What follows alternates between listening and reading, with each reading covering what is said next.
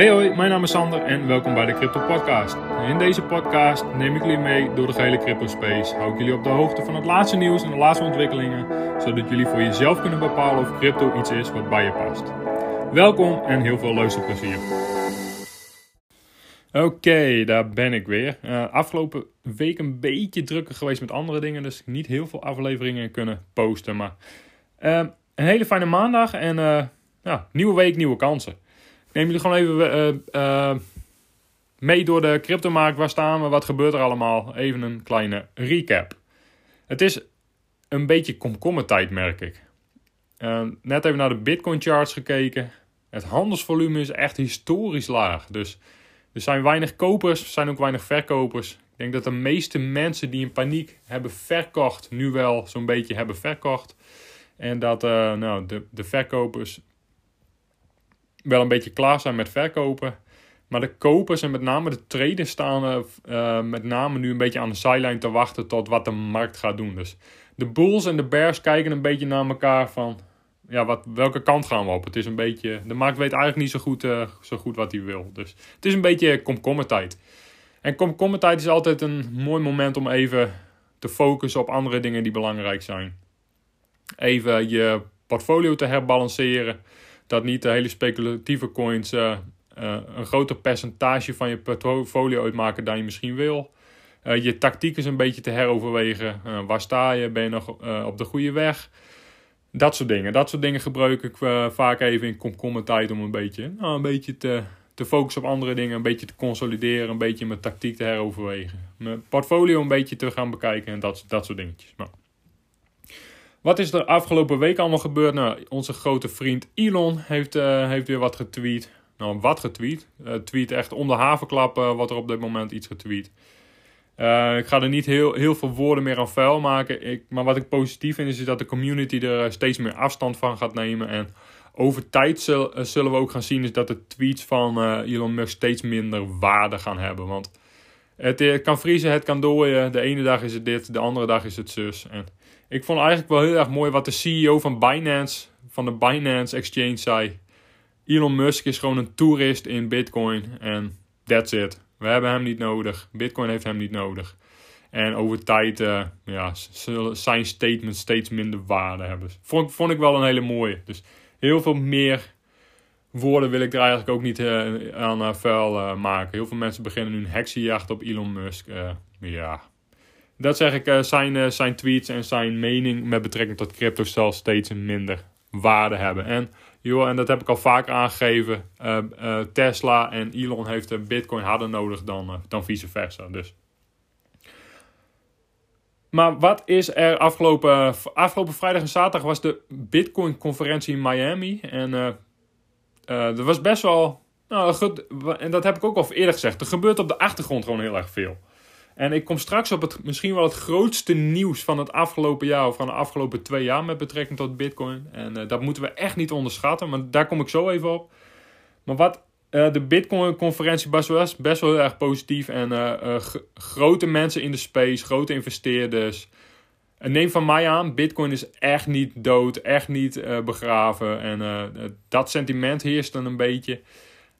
Echt niet. Op de achtergrond gebeurt er gewoon echt heel erg veel. En een van de dingen die heel erg positief is, en uh, China is natuurlijk heel erg aan het, heeft een hele crackdown gedaan on de, uh, de mining operations in het land. En het mooie van miners is, die zoeken toch wel nieuwe ingangen in landen waar ze, waar ze wel welkom zijn, waar de wetgeving wel gunstig is, waar de elektriciteitskosten toch laag zijn. En de, het neigt een beetje dat miners meer gaan naar Noord-Amerika. En op zich is dat heel erg positief, omdat het grootste deel van de hash rate is nu toch in handen van China. En het zou heel erg goed zijn voor het Bitcoin-netwerk als er een gelijkmatige verdeling komt met betrekking tot de hash rate uh, wereldwijd. Dus uh, het is eigenlijk helemaal niet zo positief als, als het grootste deel van de miners in één land zitten. Dus het zou juist heel erg positief zijn is als miners meer naar Noord-Amerika gaan verplaatsen. En tijdens de Bitcoin-conferentie waren er ook heel veel grote Amerikaanse bedrijven die uh, heel erg geïnteresseerd waren om te gaan investeren in duurzame mining, mining operations. Dus eigenlijk is de crackdown van China uh, on de bitcoin miners heel erg positief. Want een gelijkmatige verdeling van de miners over de wereld zou echt veel beter zijn voor, voor het bitcoin netwerk. Dus eigenlijk is het wel heel erg positief. Dus ik hoop ook dat heel veel miners zich gaan verplaatsen naar Noord-Amerika. En dat uh, Noord-Amerika qua wetgeving en uh, qua elektriciteitskosten daar ook heel erg uh, uitnodigend voor is. Dus op zich wel heel erg positief. In ieder geval grote investeerders in Amerika zien er wel wat in en willen wel in dat gat springen om ja, mining operations meer duurzaam, duurzaam te maken. Daarnaast zie je in Amerika al, al enkele staten die, die Bitcoin met open armen willen adopteren. Met name Miami en Texas zijn al heel ver om, om nou, Bitcoin te gaan gebruiken voor allerlei dingen, voor day-to-day uses. Dus dat is op zich heel erg positief. Maar het grootste nieuws, misschien wel het grootste nieuws van de afgelopen twee jaar met betrekking tot Bitcoin, is dat het eerste land heeft aangegeven, het eerste land ooit in de geschiedenis van Bitcoin heeft aangegeven Bitcoin te willen adopteren als wettig betaalmiddel. En dat is El Salvador.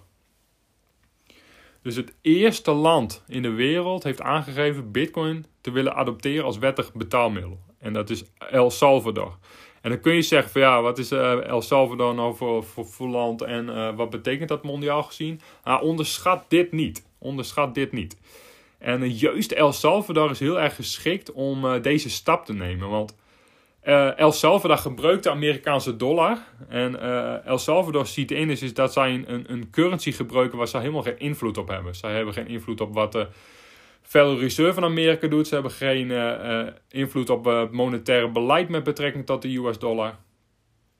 Dus zij kunnen nu vrij makkelijk overschakelen naar een wettig betaalmiddel waarvan zij de fundamentals wel begrijpen de schaarsheid wel begrijpen, de waarde wel, wel begrijpen. En zij kunnen echt instant nu uh, ja, weggaan van de Amerikaanse dollar.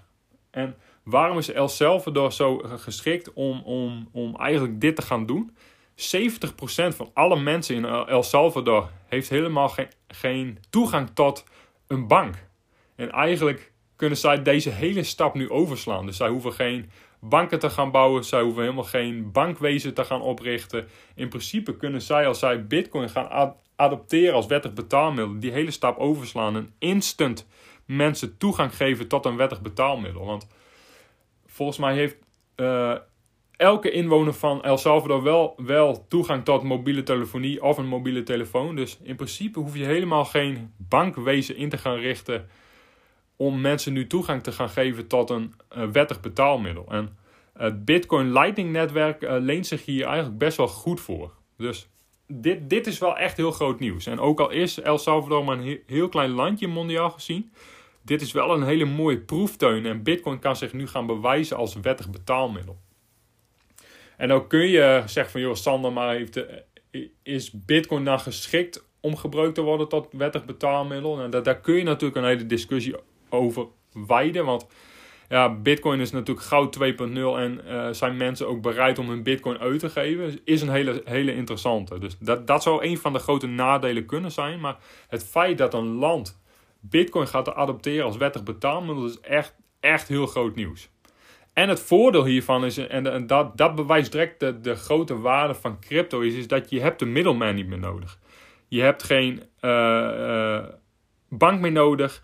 Je hebt geen servers meer nodig waarin mensen uh, van buitenaf geld uh, kunnen overmaken naar, naar El Salvador. Dus familie, uh, mensen die familie hebben in El Salvador kunnen nu instant zonder tussenpersoon geld overmaken naar familieleden in El Salvador. Die dat dan weer direct kunnen gebruiken als wettig betaalmiddel in hun land. Dus zij kunnen gewoon via hun exchange account uh, bitcoin uh, versturen naar hun familie in El Salvador zonder dat er een tussenpersoon voor nodig is, zonder dat er een kredietverstrekker voor nodig is, zonder dat zij een percentage gaan nemen van de verzendkosten, kunnen zij instant bitcoin verzenden naar hun familie in El Salvador, die dat direct kunnen gaan gebruiken als wettig betaalmiddel. Dus dit is echt een revolutie met betrekking tot crypto. En nu kan crypto zich gaan bewijzen als als ja, echt wettig betaalmiddel en, en de day-to-day use die crypto heeft, de voordelen die crypto heeft. Je hebt geen banken meer nodig, je hebt geen middelman meer nodig. Je, je, je kunt mensen direct toegang geven tot een wettig betaalmiddel. En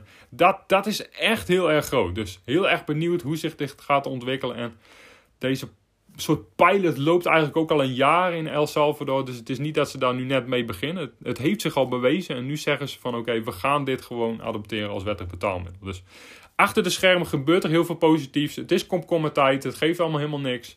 En zeker voor investeerders, uh, ja, blijf rustig. Uh, herbalanceer je portfolio. Fun, uh, investeer in goede fundamentele projecten. En dan komt het allemaal goed. Dus er gebeurt heel veel positiefs. Dat was het weer voor vandaag. Heel erg bedankt voor het luisteren. Heb je vragen of suggesties? Stel ze op mijn Instagram. Sander onderstreepje in een workout.